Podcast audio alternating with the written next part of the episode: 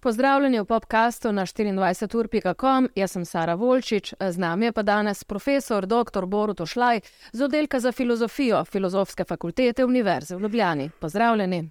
Pozdravljena. Uh, govorila bova o zelo težki, zelo aktualni temi, to je eutanazija.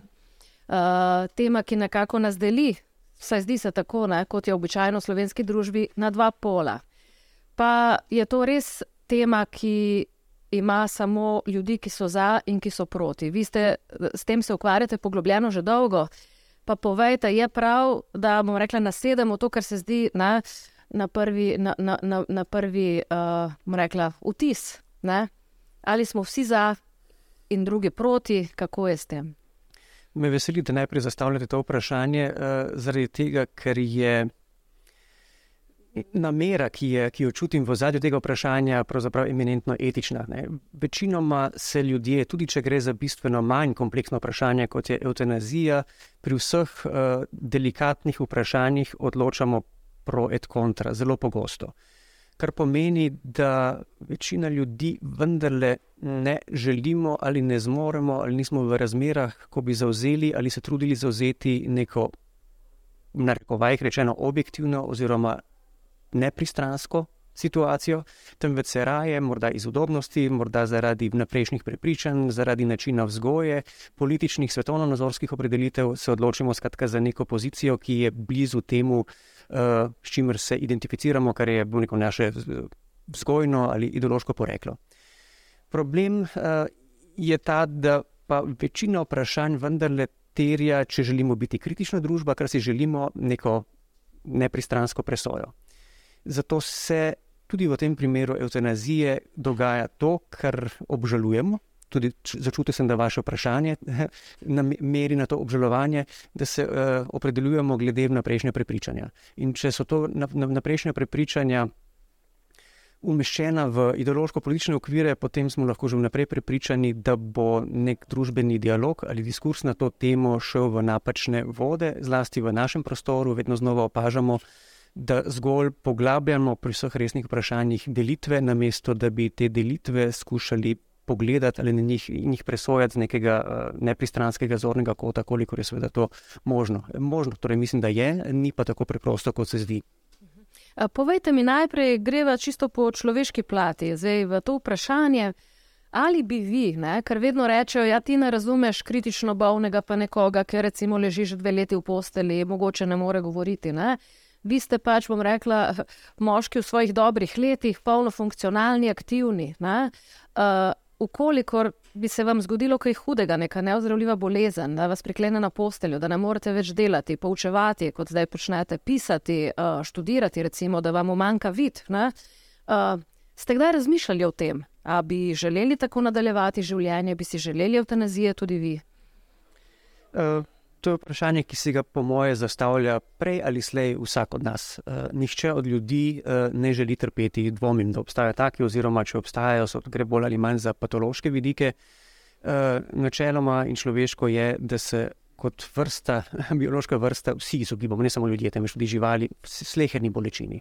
Še zlasti, če gre kot v tem primeru za neozdržno trpljenje, vezano na neozdravljivo bolezen, uh, so to pomisleki. Ki se nas bodo prej ali slej dotaknili in jim bomo posvetili nekaj uh, časa. Ne. Tudi sam gotovo ne bi želel ne zase, ne komorkoli drugega, da umira v neozdržnih bolečinah. Ne. To mislim, da je neko izhodišče, ki bi si ga morali vsi deliti in ne drug drugemu učitati, da v primeru, da smo za ali proti, potem naprej uh, nekomu želimo slabo ali uh, se ne razvojno lotevamo tega vprašanja. Kar se tiče uh, mišljenja prihodnih situacij, ne, v katerih trenutno nismo, je treba vedeti, da nihče v tem trenutku, glede na položaj, v katerem smo, ne more z gotovostjo reči, kako bi se odzval, kako bi se počutil v primeru, da bi bil soočen z uh, neozdravljivo bolezno, boleznijo, ki jo po vrhu spremlja še neko neznosno trpljenje. Nihče od tega ne ve. Torej, natančno na to vprašanje ne more odgovoriti. Mogoče za primer, uh, pred leti. Uh, je že kar nekaj desetletij menilo, je v Franciji, pa tudi v širši uh, kulturni javnosti, zbudil uh, precej pozornosti primer uh, Žona Dominika Bibija, ki je bil uh, deležen tako imenovanega locked-in sindroma, zaprt v svoje telo. V bistvu je šlo za bolj ali manj vegetativno stanje človeka, ki mu nišče ne bi pripisal neko občutenje življenja, kaj šele oblike sreče in zadovoljstva, in je slučajno njegova zdravnica ugotovila, da je sposoben komunicirati z trpalnico.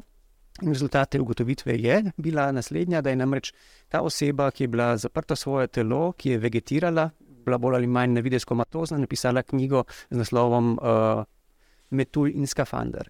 In uh, duševno življenje te osebe je bilo globlje in rekel, bolj intenzivno doživljali življenje kot marsikdo od nas, ki se s to vrstnimi težavami ali pa tudi sicer nismo deležni bolezni. Ne. Kar pomeni, da je zelo težko odzune presojati, kaj se z nekom dogaja. Tudi sam ne vem. Gotovo pa je to, če se vrnem k vašemu vprašanju, če bi bil deležen uh, neznosnega trpljenja, si tega ne bi želel in bi verjetno tiste, ki so poleg mene, verjetno to zdravnik, prosil na tak ali drugačen način, da mi to, da mi to bolečino uh, odpravi na, uh, z, z načini, ki so pač uh, njemu na voljo. Morda tudi, te, morda tudi na način, da mi uh, oduzame življenje, če druge bile priložnosti takrat ne bi bilo. Ne. Skratka, mislim, da bi tudi sam bil pripravljen prositi tistega, ki je poleg meni, da mi pomaga umreti uh, na način, uh, da bi se pač uh, izognil najhujšim bolečinam in trpljenju v tistem času. To me nekako spominja, veste, ta situacija, uh, recimo primer pri nas ženskah poroda. Ne? Jaz sem oseba, sem rekla, precej močna, prenašam bolečine že od malega zaradi ja. določenih zdravstvenih stvari. Ko pa si na porodni mizi, ne, si v tistih neznosnih bolečinah, takrat ti malo razum pade. In verjetno, težko bi pa rekla, da se mi zdi prav, da zdaj ne vem, zadrugirajo vse nosečnice, da veste. Da, ne, tako kot ste rekli, da, da tisti hip, ko si v neki neznosni bolečini, ne, bi verjetno razmišljal drugače, ampak uh, sprejemanje neke take spremembe, da pomagamo ljudem umreti, lahko potegne za sabo veliko stvari. Ne. Zdaj, kaj je tisto prvo, kar se vam zdi, da bi bilo dobro v tem primeru in da ne bi bilo dobro? Mislite v primeru uzakonitve eutanazije in zdravniške pomoči pri uh, samomoru? Kaj bi bilo dobro in kaj ne bi bilo dobro. Rekli ste pri samomoru, ne? vi se pravi, mislite. Ne? Ja, obstajata dve obliki pomoči pri dokončanju življenja. To je zdaj zadnja dikcija, ki jo uporablja srebrna nit. Uh, lahko govorimo o smrtitvi na zahtevo, ko skratka zdravnik uh, ali lečeča oseba, uh, trpeči osebi, ki si želi umreti, uh, ubrizga smrtonosno uh, učinkovino. Bodi si se pacijentu samemu dopusti, da naredi samomor oziroma uh, usmrti samega sebe, pri čemer mu zdravnik asistira na način, da mu to vrstno učinkovino, bodi si tableto, dostavi in jo ta sama zaužije. Skratka, gre za potem asistenco pri samomoru. Ne. Razlogov, ki govorijo o prid, kaj je pri tem dobro in kaj je slabo, je precej. Jaz sem uh, na lanskoletnem simpoziju uh, etika v medicini skušal uh, skicirati nekaj razlogov, ki govorijo o prid uzakonitve eutanazije in teh je bilo, govorim po spominju, približno sedem. Uh, še bolj natančno uh, pa sem razdelil uh, najprej neko sestavo in potem tudi pojasnil razloge, ki govorijo proti uzakonitvi eutanazije, in teh je bilo približno 27. Pa mogoče, če vas tu zmotim, uh, dobro bi bilo, da se sprehodiva čez te točke. Recimo, uh, eutanazija, projekt kontra za. Ne? Prvi argument je argument sočutja. Problem sočutja je. Uh, pravzaprav biološko, biološka konstanta. Ljudje, pa ne samo ljudje, tudi živali, skratka vsa uh, živa bitja, ob trpljenju drugega živega bitja, razen če nimamo eh, iskrenih, oziroma dejanskih namenov, da končamo to življenje, smo v nekem eh, konfliktnem odnosu, nasilnem, praviloma pa bolečina drugega v nas zove sočutje. sočutje. Skratka, želimo.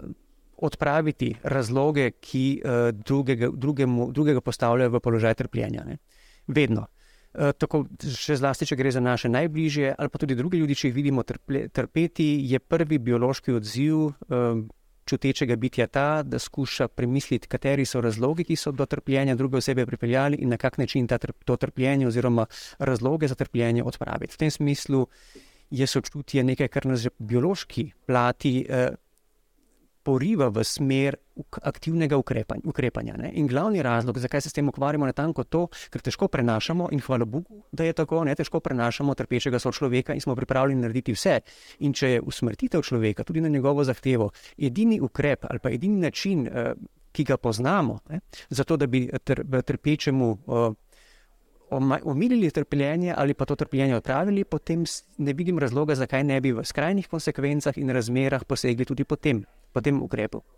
Potem je tu argument spremenjenih vrednot. Ja, eh, problem eutanazije nasplošno je zelo kompleksen, tudi zaradi tega, ker je umeščen v širša družbena dogajanja, ki niso vezana samo na zadnjih pet let, temveč na neko kontinuirano gibanje in spreminjanje vrednot, ne samo v zadnjih sto letih, temveč morda tudi v zadnjih dvesto letih in naše vrednotenje življenja se je začelo spreminjati in spreminja se radikalno, vendar na način, da te spremembe niso bile vezane na neko, neke javne razprave in iskanje konsenza glede tega, kako želimo uh, razumeti in vrednotiti naše življenje, naše pravice in tako naprej, temveč se to dogaja bolj ali manj potiho, sproti. Tako da vedno za nazaj nekako ugotavljamo, da se je življenje nekaj premaknilo in da z našimi vrednotami ali pa tradicionalnim razumevanjem življenja in našega položaja v njem nekako zaostajamo in da prihaja do nekih konfrontacij in neusklajenosti.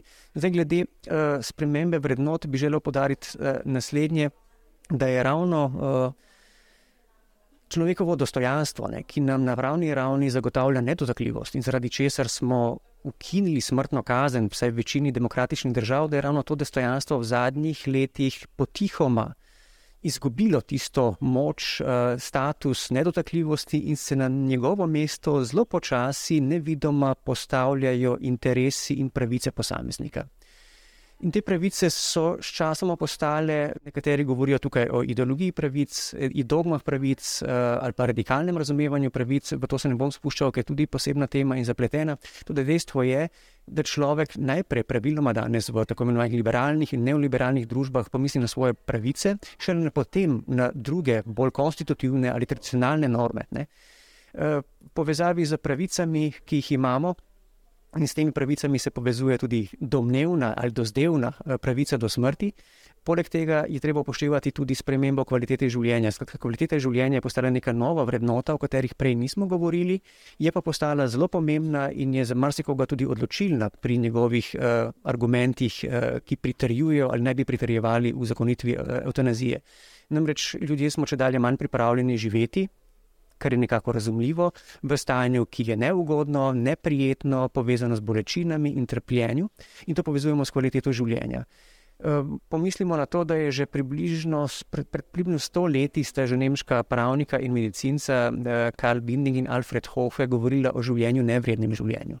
Ker obstaja gotovo, obstajajo v življenju situacije, ki se nam zdijo nevredne življenja s čimer, čimer nakazujemo v neko smer, ki govori o tem, da kvaliteta tega življenja ni več taka, da se nam zdi vredno v takšnih razmerah živeti.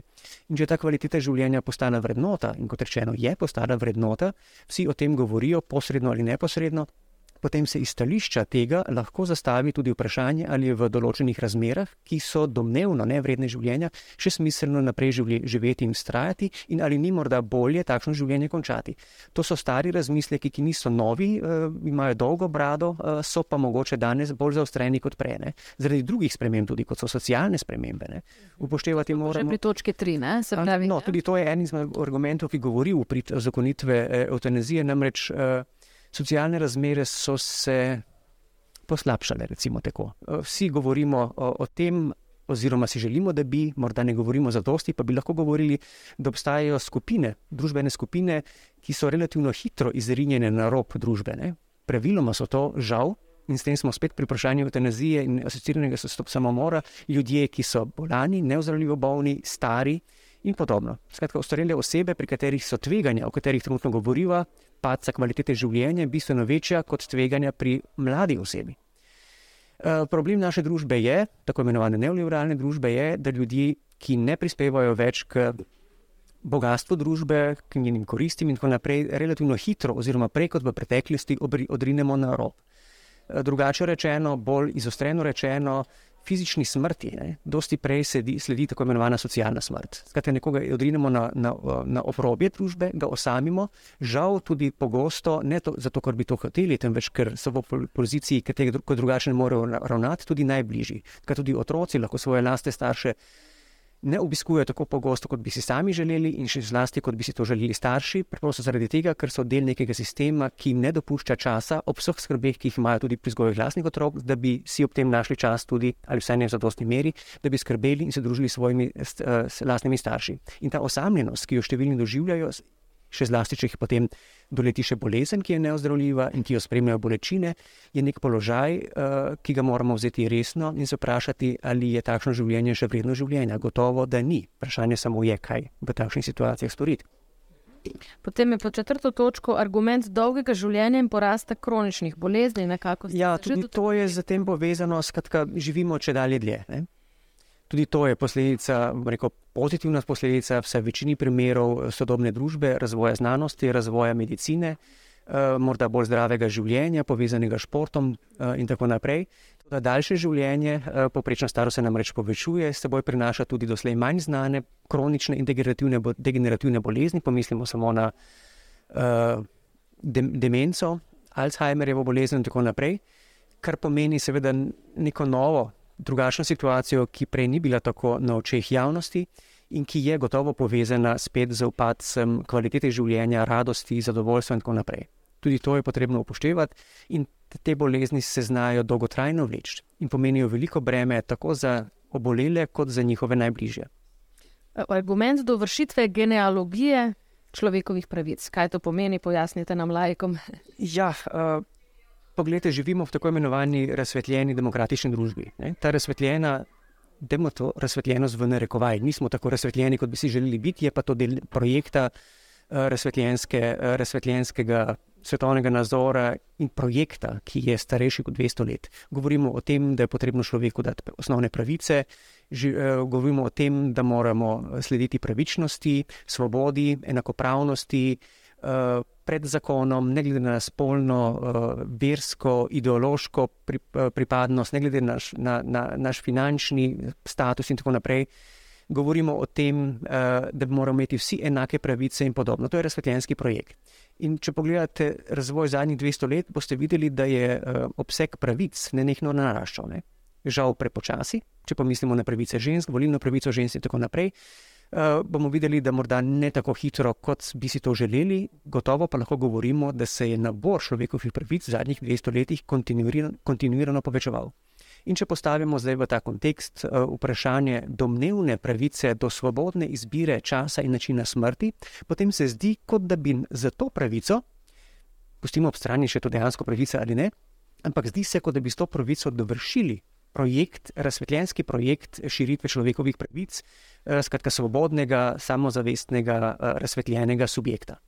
Zdi se nam reči, da je to še tista zadnja pravica, ki nam omogoča nek, neko, nek izhod v sili, če bi se življenjske razmere tako neugodno zaostrile in nas pahnile v neko za naše potrebe in v skladu z našimi prepričanji nezavedljiv, nezavedljiv položaj, da nam potem ostane ta zasilni shod takih položajev, skratka ne želim umreti, želim uveljaviti pravico do predčasnega končanja življenja. Nekako se mi zdi, pa se s tem ne strinjam, ampak nekateri enačijo, če imamo pravico do uravnavanja ne, novega življenja, imamo tudi pravico, eh, čež da sta to isti pravici, ne, samo drugi konec palice. Ne. Uravnavamo število rojstev, ne, Se ja. pravi, pravica do splava in vse to. Nekateri ja. pravijo, če imamo to, je to logično sosledje, ne? da lahko tudi odločamo, dokdaj živimo. Ne? Če gremo zunaj. Te... Ja, tudi, tudi sam mislim, da tukaj neposredne povezave, uh, glede na razvoj drugih pravic, tudi pravice ženske, da svobodno razpolaga svojim telesom in odloča, ali želi roditi otroka ali ne. Uh, ni neposredno povezano z, z pravico do prečasnega končanja življenja. Eh, razmislek je relativno preprost. Vse klasične pravice, ki si jih prej navedel in ki segajo v, v ta razsvetljenski projekt osvobajanja človeka, vse te pravice, če natančneje pomislimo, služijo čemu? Služijo zaščiti posameznikovega življenja. Ne? Skratka, če imam pravico do svobode govora, če imam pravico do zdravstvene oskrbe, če imam pravico do uh, brezplačnega izobraževanja, če imam pravico do spolne, ideološke, verske in tako naprej um, usmerjenosti, vse te pravice služijo krepitvi mojega lastnega življenja. Pravica do smrti. V nek način protislovje tem pravicam, kajti ta pravica potem uniči na tanko tisti temelj, ki legitimira ne, vse pravice do zdaj. V tem je neko protislovje te pravice. Imamo tu še argument, ste napisali finančnih prihrankov. Ja, uh, tisto, kar me je če se obregnem na kratko tudi ob osnutek uh, Društva Srebrna nit, osnutek uh, zakona o pomoči pri predčasnem dokončanju uh, življenja, med drugim tudi zbodlo je to, da neposredno navajajo tudi finančne prihranke, ki jih bo država imela, če bo bolj kot uh, vlaganje sredstev v palijativno oskrbo poskrbela za hitro uveljavitev zakona o eutanaziji in zdravnikovi asistenci pri, pri samomoru. Finančni prihranek je seveda nekaj, kar znotraj neoliberalne družbe, in mi takšna družba smo, in politika je izrazito neoliberalna v večini, večini tako imenovanih eh, demokratičnih družb. Ta argument prihranka je nekaj, eh, kar ni nepomembno strani odločevalcev, strani zakonodajalne veje, oblasti.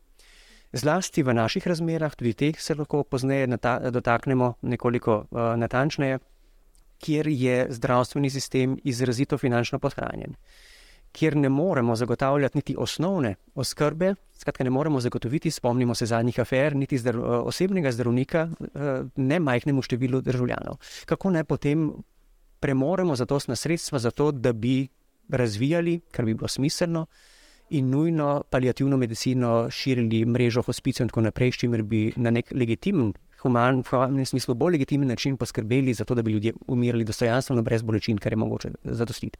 Skratka, eutanazija je tisto, kar sem želel v zvezi s tem povedati, bistveno cenejša za državo kot razvijanje, kot razvijanje uh, hospicev in uh, palijativne oskrbe. In če se to navaja že v samem osnutku, se s tem seveda posredno že pritiska na sprejemljevalca to vrstnih odločitev, da bo to pomenilo tudi določene uh, finančne prihranke. Če se postavi zdaj v vlogo, ne? zdaj so imeli argumente za, oziroma kaj navajajo v bistvu v tem predlogu, ne? kje bi bili pozitivni učinki. Če se uživim v neko osebo, recimo, ki ima ta hip 75-80 eh, let, že precej bolna, ne? se pravi, že težko ja. dobiš povsem ja. zdravega 50-letnika, kaj še le 75-80-letnika. Ja. Uh, doma, pokojnine so slabe, stikov za svojci ni veliko. Ne? Uh, Nekako ta oseba je če dalje bolj odrinjena. Ne? In zdaj, uh, če družba pač ti ponuja to možnost, ne? jaz kot starš bi imela nekako, vsi smo nekako v Sloveniji vzgojeni na ta občutek krivde. Ne? To je, ne glede na to, ali si viren ali nisi viren, to imamo zakorenjeno v sebi, tako začnemo doživljati, ne? nočem biti drugim v breme, nočem biti. In se mi zdi, da bi na ta način mogoče marsikoga pripeljali do tega, ker noče biti v breme svojim otrokom. Ne? Čeprav je ravno to tisto, ne? če zdaj moje, jaz skrbim za svojo mamo, ne? s tem učim svoje otroke, da bojo nekoč zame. Mislim, nekako eh, krok življenja. Ne, se ne konča, ko si star 70 in zboliš. Ne, in um, ne moreš več svojim otrokom polni denarnice kupiti nov avto ali karkoli. Ja, vprašanje, ki ga načenjate, je zelo pomembno, bi rekel, sicer eno izmed številnih pomembnih vprašanj, vse to kaže na kompleksnost eutanazije. Uh, na kratko, skušal biti kratek. Uh, mislim, da to vprašanje lepo ilustrira nezadostnost razmer, v katerih smo, iznotraj katerih bi bilo, milo rečeno, nevarno uzakoniti eutanazijo.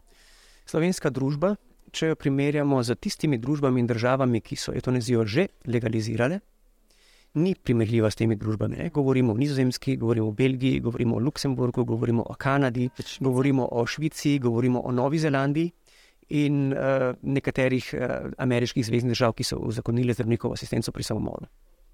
Skratka, nerazvitih držav ali pa tistih, ki smo tranzicijske države kot mi, tukaj praktično ni, morda je tukaj izjema Španija, pa tudi Španija že je država, ki ima dolgo uh, tradicijo demokratičnosti. Uh, V vseh omenjenih državah je zdravstveni sistem bistveno drugače razvit kot pri nas. Ne? Tako na Nizozemskem, Belgiji, Novi Zelandiji, Kanadi, če omenim samo tiste, na katere se največkrat sklicujemo, in Švici. Tudi socialne razmere v teh državah so drugačne. Ljudje so, so materialno bogatejši, ne? niso pahnjeni uh, v finančno stisko, uh, ki sabo vleče številne druge eh, negativne učinke, tudi zdravje. Denar pomeni ne malo krat tudi možnost, da živimo bolj zdravo, ne, ne na dan zaradi tega, ker potujemo, si lahko privoščimo športno aktivnost in tako naprej. Boljšo hrano. Boljšo hrano, hvala, tudi to je zelo pomembno. Skratka, zdravje tudi je povezano z gmotnim premoženjem posameznikov. Mi tega nimamo, mi imamo po, po eni strani, ki smo prej že nagovorili, zdravstveni sistem, ki je uh, kadrovsko slabo zapolnjen, ki je finančno v dezolatnem stanju, zdravniki bežijo, medicinske sestre bežijo. In smo ideološko razcepljena družba, smo družba, uh, ki smo bolj, to ste prej sami omenili, bolj podvrženi samokaznovanju, smo bolj hitreje užaljeni, smo bolj zaskrbljeni, imamo prej slabo vest, smo bolj nagnjeni k samomorilnosti, nasilju do nas samih, avto, avto, neko avto nasilje in tako naprej. In v teh razmerah uvajati uh, eutanazijo je, izrazi, je zelo, zelo nevarno. Še zlasti, če se vrnemo na zdravstveni sistem, ta zdravstveni sistem ne omogoča, kot smo prej dejali, niti zadostne ali osnovne ali minimalne oskrbe s pacijentov, kaj šele oskrbe tistih, ki so dejansko izpostavljeni neozdravljivi bolezni. Upoštevati moramo, eh, tudi to je nek pomemben podatek, da se skoraj polovica, po nekaterih izračunih celo več kot polovica sredstev zdravniške blagajni nameni za zadnja, zadnje mesece življenja. Skratka, umiranje je daleč, daleč najdražji del, del uh, finančnih sredstev, daleč najdražji. In v teh razmerah uvajati pomeni seveda veliko spodbudo vsem trpečim, vsem socialno izrinjenim, svojim gmotnim položajem nezadovoljnih, da proti svoji volji, če tudi tega načeloma ne bi želeli, z, uh, zaradi občutka dožnosti do svojih najbližjih, ki so obremenjeni, tudi morda z občutka uh, dožnosti do drugih, ki čakajo na proste postelje v bolnici, teh postelj tudi manj, zaprosijo za eutanazijo. Omenili ste mi ob, enih, ob enem snemanju preteklosti, da se menda prošnje za eutanazijo tam, ker je zakonjena, povečajo pred poletnimi počitnicami. Če, eh, če upoštevamo, in to je edino, kar lahko upoštevamo, izkušnje držav, ki so eutanazijo in uh, zdravnikovo asistenco pri samomoru uzakonile, potem lahko opažamo marsikaj. Tukaj sicer obstajajo številna kreganja med tako imenovanimi zagovorniki pro et contra, ne, tisti, ki so za, pravijo, da nasprotniki upoštevajo nedokazane trditve ali da se sklicujejo na civilno družbo uh, in da ne upoštevajo vse ne v enaki meri uradnih izjav.